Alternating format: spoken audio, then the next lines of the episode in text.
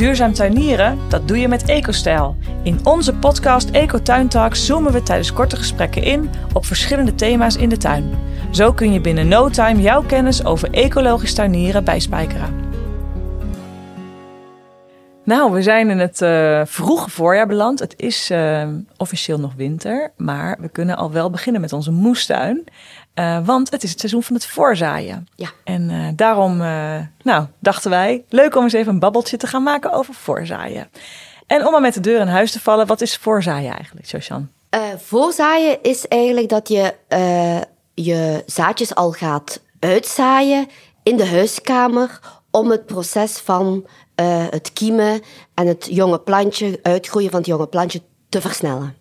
Ja, Want, precies. Uh, je zou dit, als je de natuur zijn gang laat gaan, of wanneer dat je uh, in de in de volle grond gaat zaaien, dan doe je dit veel later. Dan doe je dit uh, na de ijsheilige met de meeste planten. Dan doe je dit als de bodem voldoende temperatuur heeft. Ja. Maar omdat wij niet kunnen wachten en omdat wij sneller willen zijn, ja, gaan we met een aantal planten voorzaaien. Gaan we al beginnen binnen om de plantjes te laten kiemen, jonge plantjes te hebben, die we dan van zodra de ijsheilige er gepasseerd zijn, kunnen gaan uitplanten.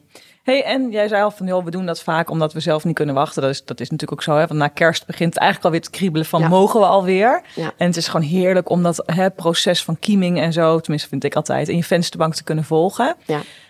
Maar zijn er ook nog andere redenen? Want ik kan me voorstellen, um, je gaat natuurlijk met een gekiemd plantje naar buiten in plaats van dat je het zaden in de volle grond stopt. Ja. Dus wat zijn nog meer misschien voordelen of nadelen van het, van het voorkiemen?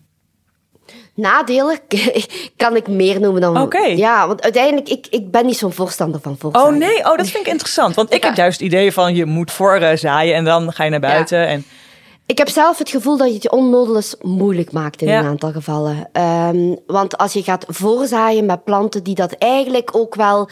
Uh, heel gemakkelijk ontkiemen in volle grond, dan is het heel vaak zo dat wanneer je gaat voorzaaien en al jonge plantjes hebt die dan eigenlijk toch wel wat zwakker zijn, omdat ze in de huiskamer zijn uh, um, uh, groot geworden, ja, dat die plantjes die je uitzaait, dat die eens als ze vertrokken zijn, los die voorgekiemde plantjes voorbij gaan. Mm. Dus eigenlijk mijn principe is dat je alleen maar gaat voorzaaien wanneer het echt nodig is. En dat is bij planten die dat gewoon in onze contraien een te kort seizoen hebben om tot een volle wasdom en volle vrucht te komen, zoals tomaten, of zoals ja. komkommers, zoals uh, uh, paprika's.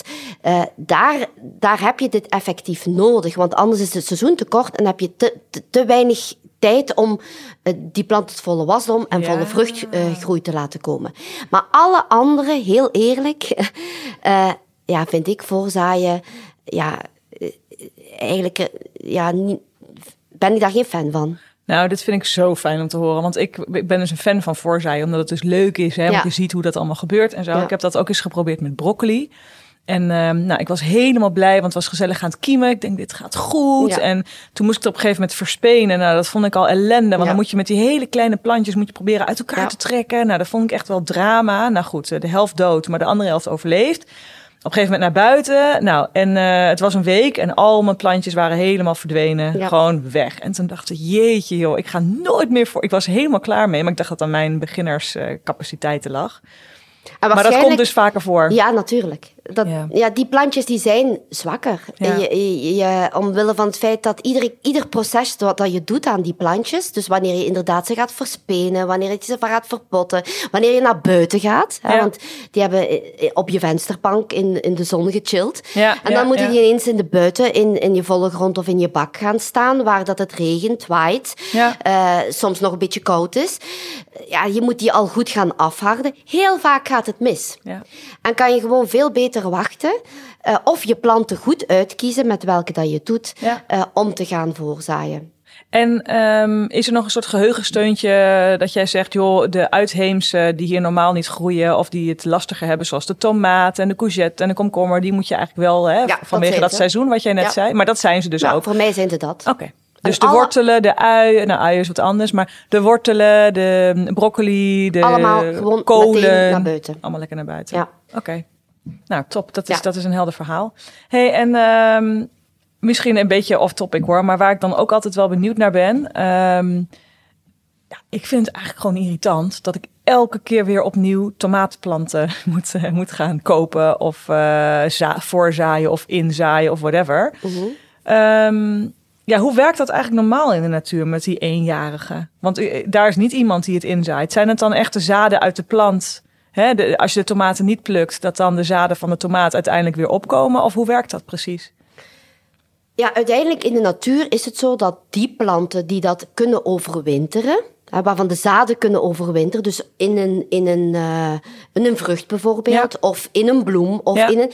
Uh, in, om het even welke omstandigheid, dat van zodra dat die op de grond vallen, uh, dat die kunnen, en de temperatuur van de bodem is goed, dat die kunnen ontkiemen. Ja. En dat die op die manier uh, ja, zichzelf gaan voortzetten. Het zijn alle in onze contraien eenjarigen uh, die dat op die manier zich voort kunnen planten. Het is maar wij die dat een aantal planten in onze tuin willen hebben, die dat, dat niet kunnen. En tomaten zijn er zo. Dus in de natuur ga je geen tomatenplanten vinden, omdat dat die planten echt zo gekweekt zijn dat ze bepaalde temperaturen nodig hebben en die overwintering niet kunnen doen. Nee, maar dat komt misschien dan omdat die plant niet uit ons klimaat komt. Oh, dat bedoel ik. Ja, ja precies. Maar in, in de puurste vorm van de natuur, dus stel de, plant, de, de tomaat komt van oorsprong uit voor Spanje. uit Spanje, in Spanje. In Spanje zelf kan dat perfect. Ja. En dan, dan, de, ja, dus dan valt gewoon een tomaat op de grond, die verteert. En die, die zaadjes die, die daarin komen, zitten overwinteren. Kunnen, ja, voilà, daar wordt het ja. niet zo koud, daar vriest het niet zo hard. Dus die zaadjes overwinteren. In het voorjaar gaan die terug opnieuw ja. uitschieten. Dat is één ding, één kant van het verhaal. Een tweede kant is dat heel veel tomatenplanten zijn hybride Zaden. En wat betekent dat dan, hybride zaden? Hybride zaden zijn eigenlijk zaden die dat veredeld zijn. Ja. Hè? Uh, die dat eigenlijk niet meer terug opnieuw kunnen herzaaid worden. Je moet eigenlijk oerzaden hebben. Je moet eigenlijk de inheemse zaden hebben. Die, dat, die kan je verder zaaien. En niet diegene die dat... De authentieke zaden De authentieke zaden, ja. ja, dat bedoel ja. ik. Die kan je, kan je herzaaien. En alle hybride variëteiten waaraan veredeling gebeurd is, daarmee kan Is dat dat een soort genetische manipulatie? Nee, dat is nog iets anders. Dus veredeling is eigenlijk dat je een plant zodanig gaat um, uh, aanpassen door iedere keer de mooiste plant er gaat uitzoeken en dan te gaan vermeerderen, dat je eigenlijk een veredelde soort krijgt. Maar die soort is dan ook veel minder uh, ja, bestand en kan je eigenlijk ook zelf niet meer gaan op uitzaden verder kweken. Die moet je eigenlijk altijd terug opnieuw... Omdat die gewoon onder hele specifieke... Uh, omstandigheden... Ja. ja. Jeetje. Zaden kan vormen dan eigenlijk. Daar ja. komt het op neer. Ja, dus een, een, een hybride, uh, uit hybride zaad gegroeide plant... die vormt dan eigenlijk gewoon een andere kwaliteit zaden of iets. Of geen zaden. Die, die, je moet terug naar de basisplant, keer op keer, om opnieuw zaden te maken. Ja. Maar je kan eigenlijk vanuit de vrucht geen nieuwe zaden maken. Ja, bizar. Oké, okay, super interessant. Hey, en nog even terug naar dat hele eenjarige principe. Het hele, de hele terminologie eenjarige komt dus eigenlijk dan voort uit het feit dat de plant helemaal afsterft en weg is. En eigenlijk de zaden alleen maar Ja. blijven voortbestaan. Dus het is niet zo dat de zaden ook weg zijn omdat het maar eenjarig is of zo. Nee, dus nee. die zaden blijven gewoon in de kringloop. Het zijn planten die iedere keer terug opnieuw vanuit een Precies. zaad Ja. in één jaar uitgroeien, bloeien en terug opnieuw zaden Ja. vormen, terug opnieuw volgend jaar Ja. Terwijl meerjarige planten die gaan, over het, die gaan via een wortel, Ja, eh, eh, ja, via een wortel over, over, overwinteren. ja, en die houden vaak ook wel hun eh, blad of hun Ja. takkengestel. Of... Ja. En dan heb ik nog een leuke trick question. Want de hosta, waar valt die dan onder? Want die is ook altijd wel meer... Vaste plant. Die wortels blijven gewoon Ja. dan. Want die is ook helemaal weg hè, boven de grond. Ja, ja, ja, maar die Ja. blijven via wortels over. Ah, Oké, ja. Leuk om eventjes daar eh, bij stil te staan. Ja, top. Hey, en als we nog eens even weer terugkomen op het hoofdonderwerp voorzaaien. Nou, we weten dus nu ehm, eh, wat je beter wel en wat je beter niet kan Ja. voorzaaien. Ehm, zijn er nog bepaalde dingen waar je op moet letten? Hè? Dus bijvoorbeeld eh, waar je het doet, waar je het neerzet. Moet Ja. het afgedekt zijn of niet? Moet er, want je hebt ook vaak van die roostertjes erop zitten op die kassen. Hè? Moet je die dan juist of wel of niet een stukje openzetten? Eh, hoeveel water moet ze hebben? Moet ze ook meststof hebben? Nou, heel Ja. veel vragen. Wat, wat, eh, ja, wat zijn zijn aandachtspunten? drie, drie dingen die belangrijk zijn als je gaat, eh, gaat zaaien of voorzaaien. Dat is licht. Want op het moment dat je het zaadje in je, in je, in je potje steekt, ja, uh, het is in het donker dat het zaadje gaat kiemen. Als het onder de grond zit, gaat het, uh, gaat het kiemen. Maar eens wanneer het gekiemd is en een klein plantje gevormd heeft, vanaf dan is licht veel licht belangrijk. Vanwege de fotosynthese. Vanwege de fotosynthese. En dan is het eigenlijk ook zo dat um, het verticale licht uh, belangrijk is. En dat is een beetje moeilijk als je gaat voorzaaien heel vaak. Want een vensterbank geeft geen verticaal licht. Nee. Uh, geeft eigenlijk diagonaal licht. Hoe kan het dan dat het verticale licht zo belangrijk is? Omwille van het feit dat je dan een veel betere opname van je lichtbundel uh, krijgt. Okay. terwijl dat als je, je ziet heel vaak, als je de planten op je vensterbank zet, dat die planten naar het licht gaan toegroeien, dus horizontaal gaan groeien. Hè? Um, Waardoor dat je eigenlijk ook van die plantjes krijgt die allemaal een scheve nek hebben. Ja, herkenbaar. Vooral de courgette en zo, die vinden dat allemaal heel... Uh, ja. Dus wat je dan moet doen, is ervoor zorgen... Dus als je niet dat rechtstreeks... De meeste mensen hebben geen dakvenster. Als je een dakvenster hebt, is dat eigenlijk ideaal. Hè? Um, maar heb je geen dakvenster en je hebt een, uh, een, een gewone venster... Ja, dan moet je je plantjes eens wanneer dat ze een paar centimeter groot zijn en aan het groeien zijn, dan draai je ze iedere dag een kwartslag. Ah, en op die manier voorkom je eigenlijk dat die planten helemaal in die richting gaan groeien. Dus dan gaan die planten altijd wel een beetje de neiging hebben om naar die vensterbank te, of naar je venster toe te groeien, maar iedere dag weer in een andere richting, waardoor dat ze mooi verticaal blijven. Dat is een goede tip.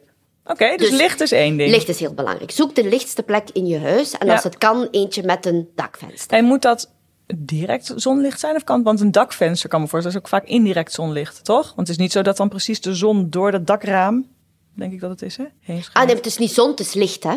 Ja, precies. Ja, dus door een... Ja, ja. ja. Um, dus dat is één, licht.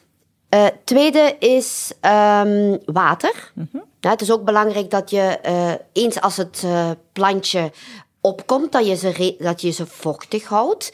Um, hetzelfde als wat we in de aflevering met stekken hebben besproken. Ja, en dat je eigenlijk vooral gaat, uh, gaat, gaat broezen. Of wanneer de planten wat... Wat is broezen? Ja, broezen is dat je het gaat vernevelen. Ja, oh ja, vernevelen. Ja, ja, Of wanneer een plantje wat, wat groter wordt, kan je ook uh, het, het, het uh, potje in een, een schaaltje met water zetten, zodanig dat het water omhoog getrokken okay. wordt. Ja. Um, dus niet eigenlijk met je gieter een, uh, een hele golf water erbij, maar ja, gewoon wat, nee, wat subtieler. want zeker als de plantjes nog klein zijn, ja, dan, en zeker als je nog alleen maar zaadjes hebt, je gaat dan gieten, dan gaat dat zaadje bewegen, hè, dat ja. gaat floten. Hè. Ja. Um, en als je een klein plantje hebt en je gaat daar met een volle straal water op, ja, dan vindt hij niet leuk. Vindt hij niet fijn. Dus dan, dat is alsof je een fikse regenbui krijgt. Dus dat, dat, dat, dan, vandaar dat broezen of vernevelen. Ja, altijd goed. Temperatuur is ook belangrijk. Ja. Uh, eigenlijk de ideale temperatuur is 15 graden. 15? Ja, dat is niet veel, hè? Nee. Ik dacht echt van, nou ja, het is, uh, in de woonkamer is het normaal 20 graden. Oké, nu met de energiecrisis misschien 18. En dan komt een lekker zonnetje erop. Dus nou, ik zou eerder zeggen 25 Maar dan krijg je zwakke plantjes. Dan zijn plantjes die ah. snel gaan groeien, zeker wanneer er zonlicht is. Die eigenlijk gaan, gaan heel veel cel delen en op die manier krijg je eigenlijk heel zwakke plantjes. Dus het beste is om ergens, als je dat hebt, een slaapkamer met een dakvenster, waar dat maar 15 graden is, waar, of zolder, waar dat je eigenlijk ja, eh, geen, geen verwarming hebt aanstaan. Nou, grappig, want ik ging op een gegeven moment zo enthousiast uh, voorzaaien dat het allemaal niet meer in mijn vensterbanken beneden past. En toen heb ik de helft boven neergezet. Maar toen dacht ik nog, ja, het is hier misschien te koud, weet je wel, want ik had daar de kachel niet aan. Maar nu begrijp ik dus dat het eigenlijk heel goed was. Ja. Grappig. Oh, dat is wel een goede tip op zich. Ja, 15 graden. Dat is eigenlijk de ideale temperatuur. Ook omdat als je straks naar buiten gaat met die plantjes, um, ja, dan dan komen die in omstandigheden die ook ongeveer die temperatuur hebben. Hè. Als je na de ijsheilige naar buiten gaat, ja, dan is het zoiets als 15 graden. Ja. Dus op die manier heb je ook al meteen die temperatuur. En is ook het afharden dat is ook nog zo een dingetje als het gaat over ja. uh, voorzaaien en voor plant, met die plantjes naar buiten gaan. Dus vooraleer dat je met die plantjes die je dan opgekweekt hebt, al een keer verpot hebt waarschijnlijk, naar buiten gaat, moet je die eerst afharden. Moet je die eerst gewoon maken aan de buitenwereld. Beetje laten acclimatiseren eigenlijk. Acclimatiseren. En dat, ja. daar is een regeltje voor. En je doet dat in vijf dagen, waarbij je iedere dag uh, die planten een paar uren langer buiten zet. Zodanig dat je die op de vijfde dag kan buiten zetten. Ja. En op die manier maak je die plant gewoon aan de temperatuur, maar ook aan uh, wind bijvoorbeeld. Hè? Want je hebt geen wind in je huiskamer. Hè? En ja, zo'n plantje dat dan al zo teer is, hè? wat je dan bovendien ook nog eens in je, in je volle grond gaat steken. Dus je beschadigt die worteltjes een beetje. Ja, je moet die plant daar wel allemaal een beetje aan gewoon maken. Nee, helder. Ja, dus dat zijn denk ik de voornaam nog eentje misschien. Um, voeding. Ja moet je, uh, je, moet je jonge plantjes voeden? Moet je die zaadjes voeden? Moet je jonge plantjes voeden? Ja, zaadjes in C niet, want een zaadje is juist een concept waarin dat er voldoende voeding meegegeven is door de moeder mhm. om te gaan kiemen en om een klein plantje te gaan vormen. Dus het is zelfs zo dat, het best, dat je best niet te veel voeding geeft. Okay. Want je wil eigenlijk die plant maar heel geleidelijk aan gaat, gaat groeien en stevig gaat opgroeien en niet zo van die zwakke, jonge, lichtgroene, uh, gefileerde plantjes uh, zijn. Ja. Echt op eigen kracht moet hij er komen. Ja. En wat je kan doen, het beste kan doen, dat is dan dat je een potgrond neemt. Uh, je kan een, een, een zaaipotgrond of stekpotgrond of een gewone potgrond nemen. Maar dat je die niet puur gebruikt, maar mengt met vermiculiet bijvoorbeeld. Dus dat je half-half doet. Ja, en wat is vermiculiet precies? Ja, dat is eigenlijk een gesteente. Mm wat dan je dan daaronder mengt. Zijn die bolletjes of zo? Ja, dat is zo een, een, een, een korreltje. Weet je dat wit korreltje wat je soms ook door potgrond heen ziet of zo? Ja, dat is, ja, of je hebt ook, ook bruine vermiculiet. Hè? Ja, ja. ja. Um, en die meng je dan daaronder en op die manier kan je... Um, ja, wordt dat een beetje afge... Ja, dat is goed. Is die minder gevoed. Kan die ook makkelijker wortelen? kan die beter zijn water vasthouden waarschijnlijk? Dat komt dus nog een extra, ja. Ja. Dus dat zijn wat de basisomstandigheden die je nodig hebt om te kunnen zaaien. Ja, dus even recapitulé. Licht het liefst van boven, anders groeien ze scheef. Anders moet je ze eventjes draaien. Uh, water het liefst vernevelen. Uh, anders is, uh, zijn de plantjes te gevoelig en krijgen ze misschien schade daarvan. Temperatuur rond de 15 graden, dus niet te warm. Nee. Wel gewoon lekker een dakje eroverheen in een klein kastje. Dat is denk ik wel lekker voor ze, toch? Dat het een beetje kan broeien. Ja, want dan hou je de vochtigheid. Ja, ook nog eens. Ja, ja. dat hoeft niet noodzakelijk. Je kan dat doen. Maar dan, ja, ja dat wel kan. best even afdekken dus. Ja. voeding hoeft niet. Nee. Misschien als het plantje op een gegeven moment wat groter is. Maar dan dat, kan je uh, een beetje bij voeden. Ja, maar in principe zit in de potgrond natuurlijk ook vaak al wel voeding hè, voor een paar maanden. Dus, dus dat, ja. Dus, maar het mag niet te veel zijn. Vooral niet te veel. Dat is eigenlijk uh, belangrijk. devies. Ja. En dan inderdaad die potgrond, als we daar nog even over doorpraten. Dus het liefst gemixt met een beetje vermiculiet. Ja. Of iets ander, een ander korreltje wat het een beetje luchtig ja. Oké. Okay. Hey, tof. Hey, en um, uh, ja, wanneer ga je eigenlijk beginnen met dat voorzaaien? Stel, ik wil straks na ijsheilige, ijsheiligen mijn uh, tomaten naar buiten doen of mijn courgettes. Ja. Wanneer uh, kan ik dan het beste eigenlijk beginnen, zodat ze sterk en groot genoeg zijn om goed in dat seizoen te komen? Ja, dus dan kan je best beginnen bij de tomaten rond half april ergens. Oh, zo laat pas? Ja. Nou, wat teleurstelling. kan ik nu al beginnen? Eh, ja, nee, want dan zijn die plantjes veel te lang, veel te groot. Ah. Je, je, hoeft geen heel, je, je, hebt geen heel grote planten nodig om naar buiten te gaan. Nee, want bij de kweker koop je ze vaak als ze 10, 15 centimeter ja, zijn. Ja. Oh, dus, april pas? Ja, dus oh, half okay. april, eind maart, half, half april. Ja. Um, uh, zodat dat je, wat je eigenlijk nodig hebt, is dat je op het ogenblik dat je naar buiten gaat, dan moet je plantjes hebben ter grootte zoals je ze normaal gezien inderdaad koopt. Bij de kweker, bij de kweker. Ja, dus ongeveer 10, 15 ja, centimeter. Ze moeten echt niet langer zijn, want dan worden het zwakke planten. Ja. Je moet er gewoon voor zorgen dat ze eens wanneer dat je naar buiten gaat, dat ze dan in de buitenomstandigheden sterk kunnen, ja. kunnen doorgroeien. En geldt het dan eigenlijk voor alle gewassen, hè, waarvan we net hebben gezegd dat ze het beste kunnen worden voorgezaaid? Dus uh, courgette, uh, alles allemaal een beetje rond eind uh, maart beginnen? Ja, eigenlijk kan je daar nog later mee beginnen. Oké. Okay. Um, je kan, want die, zijn, die groeien veel sneller. Ja. Uh, als je een uh, tomaat of een courgette neemt, of een, een paprika, ja, die, die, op een week of drie heb je grote planten. Hè? dus daar kan je eigenlijk uh, eind april, of ja, ook half april, maar eind april uh, kan je ook nog uh, okay. beginnen. Nou, we hebben veel tijd om plannen te maken. Ja, Hè? Van wat we gaan doen in de moestuin Ja. en dan uh, goed overwogen keuzes Ja. maken wat we gaan voorzaaien. Oké. Uh, nou, super. En zijn er nog, um, uh, nee, ik wou zeggen, zijn er nog bepaalde producten waar je rekening mee moet houden? Maar daar hebben we het eigenlijk al een beetje over gehad. Hè? Dus meststof niet echt. Gewoon even goed kijken naar de, naar de grond die je gebruikt. Uh, en natuurlijk naar de zaden. Hè? Dus dat je voor de authentieke zaden kiest en niet... Ja, uiteindelijk als je met authentieke zaden werkt, dan kan je zelf je zaden gaan oogsten. uit je tomaten. Haal, dan dan zorg je ervoor dat je die binnenhaalt, droogt. En dan kan je vanuit je eigen tomaten verder gaan. En even een hele flauwe vraag maar hoe doe je dat dan? Laat je gewoon een, een tomaat vergaan?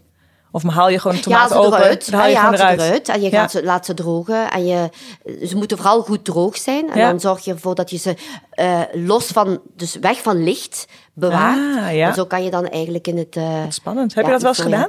Nee, nog nooit. Misschien een leuk experiment voor dit jaar. Ja, ik heb een aantal soorten waarmee ik dat zou kunnen doen. Dus uh, ik zou het wel... Ja, ik koop eigenlijk ieder jaar terug opnieuw mijn, mijn, mijn plantjes of mijn zaden om terug opnieuw te beginnen. Ja. Nou ja, misschien een leuk experiment. Kunnen we volgend jaar eens even op terugkomen. Maar ik heb misschien wel nog een paar uh, een andere leuke dingen om in dit verband te, te noemen. Dat is, uh, naast voorzaaien kan je ook gaan voorkiemen. Oké, en wat is dat dan precies? Dat is nog iets anders. Voorkiemen is eigenlijk dat je, dat doe je bij bonen, dat doe je bij erwten. Hè? Waar, dat zijn, uh, en, daar kan je al vroeger mee aan de slag mm -hmm. wel, want die kan je buiten zetten, want die kunnen wel tegen vorst. Um, dus die erwten en die bonen die je hebt, die ga je op een, in een schaal schaaltje uh, op een, uh, een nat papiertje of een nat doekje. Leg je die. Um, je doet er een uh, plastic folletje overheen. je zet die op de vensterbank. Dat mag wel wat warmer zijn. Ja. En dan gaan die in een aantal dagen al, ga je zien dat er een een, een kiempje aankomt, een worteltje aankomt. En dat zo'n zo'n voorgekiemd ertje of een voorgekiemd boontje kan je dan buiten gaan planten in je uh, in je moestuin. En dat doe je dus niet met zaden, maar dat doe je dus eigenlijk al met... Uh, met de ertjes en de boontjes. of boontjes zelf. Ja. Wat grappig. En is dat dan voor alle pulvruchten zo? Of voor een specifiek uh, gedeelte nee, ervan? voor de pulvruchten kan dus je ook bijvoorbeeld kikkererwten of zo? Ja, en, en ja, kan je daar Geestig. perfect mee doen. Maar niet die uit blikje, toch? Neem ik aan. Dan nee, moet je speciaal... die zijn geconserveerd. dan moet je, dat haal je gewoon bij een tuincentrum of zo? Ja, ja, Oh, wat leuk.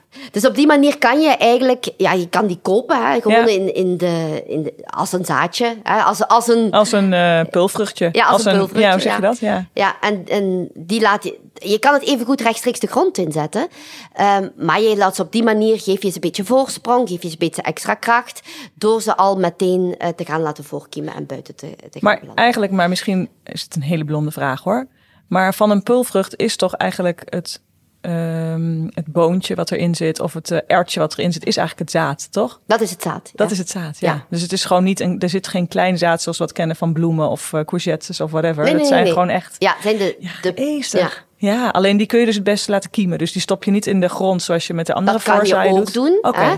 Maar je kan ze ook laten voorkiemen en dan, dan win je wat tijd, dan win je wat kracht. Omdat het sneller gaat. Ja. Ja. Leuk, oh, dat is een goede tip. Dus als je voor de pulvruchten gaat, niet ja. voorzaaien, voorkiemen. En in dat verband, uh, als we dan toch voor voorkiemen hebben, dan kom je ook meteen bij de kiemtest. Hè? Want ieder jaar terug opnieuw, dan, uh, als je in het voorjaar terug opnieuw gaat kijken van wat heb ik nog allemaal in mijn kast liggen, dan denk je van, oeps, die datum is voorbij. Ja, want die meestal... Die houdbaarheidsdatum. Is twee jaar of twee zo jaar. voor zaden? Ja, ja, ja. En dan denk je van, zou ik het nog riskeren? Zou ik het niet meer doen? Ja, want je wil niet je seizoen missen. Ja, ja. Um, daar is een heel eenvoudig testje voor. Dat is eigenlijk hetzelfde als dat voorkiemen. Dat is de, voor, dat is de kiemtest. Ja. Um, want op zich, uh, die zaden die in de zakjes zitten, die we in de tuincentra kopen, die uh, garanderen een, een houdbaarheid um, in relatie tot een kiempercentage van 95%. Ja, precies. Maar wanneer 80% betekent ook nog dat vier op de vijf zaadjes kiemen. Ja. En dat is ook nog zo slecht niet. Prachtig. Ja. Dus maar om zeker te zijn of het uh, nog oké okay is, kan je gewoon, je neemt vijf zaadjes, je legt die op datzelfde doekje, ja. je houdt dat vochtig, folietje erover, en je kijkt of ze kiemen. En als je dan inderdaad ziet van oké, okay, er kiemen er nog vier op vijf, of als je ook content bent met drie op vijf, ja, dan is het ook goed. Hè? En dan gebruik je die wel nog, en dan weet je oké, okay, ik ga wel wat verlies hebben, ja, want er kiemen, een aantal gaan er niet kiemen. Um, maar dan, uh, dan weet je nog dat je dat zaad kan gebruiken. Ja. En even check, check, dubbel check. Waar je dat oplegt, is dat gewoon een uh, dubbelgevouwen tissue of dubbelgevouwen keukenpapiertje wat je vochtig houdt met een ja, plantenspuit ja, of zo? Ja. Dat je nat maakt, vochtig ja. houdt. Um, en daar ook dat folietje, daarom dat die plastic folie erover, dan blijft dat ook ja, vochtig. Ja. vochtig, lucht kan, licht kan er toch nog doorheen. En op die manier uh, ja, kan je kiemen en voorkiemen. Nou, leuk. Wat een goede tip. Ja. Nou, dat gaan we proberen. En dan heb ik nog één leuke. Nou, heb ik, uh, het houdt niet op vandaag. heb ik het afgelopen jaar zelf voor de eerste keer geprobeerd. Heel vaak op, uh, op internet gezien. Dus ik dacht, nu ga ik het zelf ook proberen. En dat is stekken. Je kan ook gaan stekken. Um, en dat doe je met bijvoorbeeld de zoete aardappel. Ja. Hè? De zoete aardappel die, um, uh, die je in de winkel koopt. Hè? Uh, je, je, koopt zo'n aantal van die zoete aardappelen. Je, gaat, je stikt die uh, in een bokaaltje met water, dus met, met het onderste deeltje. Niet, niet de volledige zoete aardappel, maar met het onderste deel. Ja, het puntige gedeelte eigenlijk. Ja, dus ja. het gemakkelijkst doe je dat door uh, vier tandenstokers. Aan iedere kant er eentje in ja, te steken. Of uh, satéprikkers, denk of ik. Saté, ja, ja. sterker. Ja, ja voilà. Dus, en zodanig dat hij op het bokaaltje kan liggen. En dat je duidelijk alleen maar het onderste Bokaal, groot glas bedoel je? Ja, ja een groot glas bijvoorbeeld. Of een, ja, een, whatever wat je hebt. Hè. Um, en dan gaan die eerst wortels vormen in dat water. En vervolgens, na verloop van tijd, dat als die wat wortels gevormd hebben, gaan die aan de bovenkant stekjes maken. Nou, leuk. Ja, en dan krijg je allemaal uh, stekjes aan de bovenkant. Die stekjes, als die ongeveer 7 tot 10 centimeter zijn, dus die kan je eigenlijk. het groene, ja. hè, dat kan je afknippen. Uh, op zo'n één zoete aardappel kunnen gemakkelijk 10 stekjes uh, groeien. Je knipt die af. Je zet die vervolgens in water, ja. opnieuw, zodat die stekjes worteltjes vormen. Ja. En... Ik dacht dat je dan gewoon de aardappel in de grond moest stoppen. Als je zoete aardappelen wil groeien. Maar dat is dus niet zo. Dan kun je het met stekjes doen ja, je moet het van stekjes doen. Ah. In die zin dat wanneer dat je dat, ja, wanneer je kan het ook door een uh, zoete aardappel in de grond te gaan steken. Daar komen efficiënt. dan stekjes ja. op. Ja. Maar dan ga je heel veel stekjes op één plek hebben. Ja. Terwijl er eigenlijk op een vierkante meter maar vier zoete aardappelen moeten staan. Dus je, op één vierkante meter zet je vier stekjes. Dus die stekjes die dat je uiteindelijk geknipt hebt, waar worteltjes aangekomen zijn, die, uh, die kan je of rechtstreeks in je als de temperatuur van de bodem al oké is. Of anders doe je het nog even in een potje. Ja. En die plant je uit. Wat leuk. Vier op een, uh, op een vierkante meter. En dan heb je echt een, een hele oogst zoete aardappelen. Want aan één zo'n stekje komen dan weer ja, misschien wel 10, 12, 15 zoete aardappelen. Mega leuk. Ja. En geldt het voor alle knolgewassen of niet? Uh, Nee, niet op die manier. Maar je kan bijvoorbeeld ook gaan voorkiemen met aardappelen. Hè? Dus als je pootaardappelen in de grond Ja. steekt, ja, die gaan ook kiemen en aardappelen vormen. Maar je kan die ook binnen laten voorkiemen. Dus dat betekent dat je die gewoon op de vensterbank legt. Eh, en dan vormen die na drie, vier weken een worteltje. Ja. En dan plant je die eigenlijk met het worteltje in, van zodra dat eh, de temperatuur... Ja, dus daar ga je wel de hele Ja. aardappel naar buiten Ja, daar ga je met de hele aardappel naar Jeetje, buiten. wat leuk. En is het gelukt? Jouw eh zoete ja, aardappel-experiment? Ja, ik had een enorme, een enorme opbrengst. Wauw. Ja, en ik Van had- één zoete aardappel. Ik had er drie. Ja. Ik had drie zoete aardappelen genomen. En ik had, eh, ja, ik had in totaal, ik denk misschien wel 30, 40 stekjes. Ik heb de helft uitgedeeld. Wauw. ik had er veel te veel, hè, want je moet er maar vier hebben per vierkante meter. En ja, dat geeft een heel mooi gewas. Is ook mooi om naar te kijken, dat gewas. Leuk. Eh, en ineens had ik zoete aardappelen. En wanneer begin je, ben jij ermee begonnen om goed in het seizoen uit Half te komen? januari. Dat wel. Nou, dus Ja. dat is gewoon mijn Maar oplossing voor mijn. heel ja. lang. Ja. Ah, oké. Dus daar kan je al mee. Dus je kan al beginnen met het eh, voorkiemen van eh, de erwtjes en de boontjes. Ehm, of de, ja, de erwtjes en de boontjes. En je kan al beginnen met, Met zoete eh, aardappelen. Met de zoete aardappelen. En dan haal ik gewoon een bio-zoete aardappel. Dat is Ja. denk ik het beste om, eh, Ja. om te gebruiken. Maar dat kan, het hoeft dus niet een pootaardappel of iets te zijn. Het kan gewoon Nee, uit de supermarkt zijn. Ja, klopt. Leuk. Nou, super inspirerend. Ja. Ehm, nou, top. Dan denk ik dat we er een eind aan gaan breien. Super bedankt. En, eh, en we kunnen aan de slag. Ja. Zo, jij weet weer een beetje meer over duurzaam tuinieren. Wil je nog meer leren? Abonneer je op Eco de podcast. Dan mis je nooit een nieuwe aflevering. Kun je niet wachten? Check dan onze website, Instagram page of schrijf je in voor onze nieuwsbrief.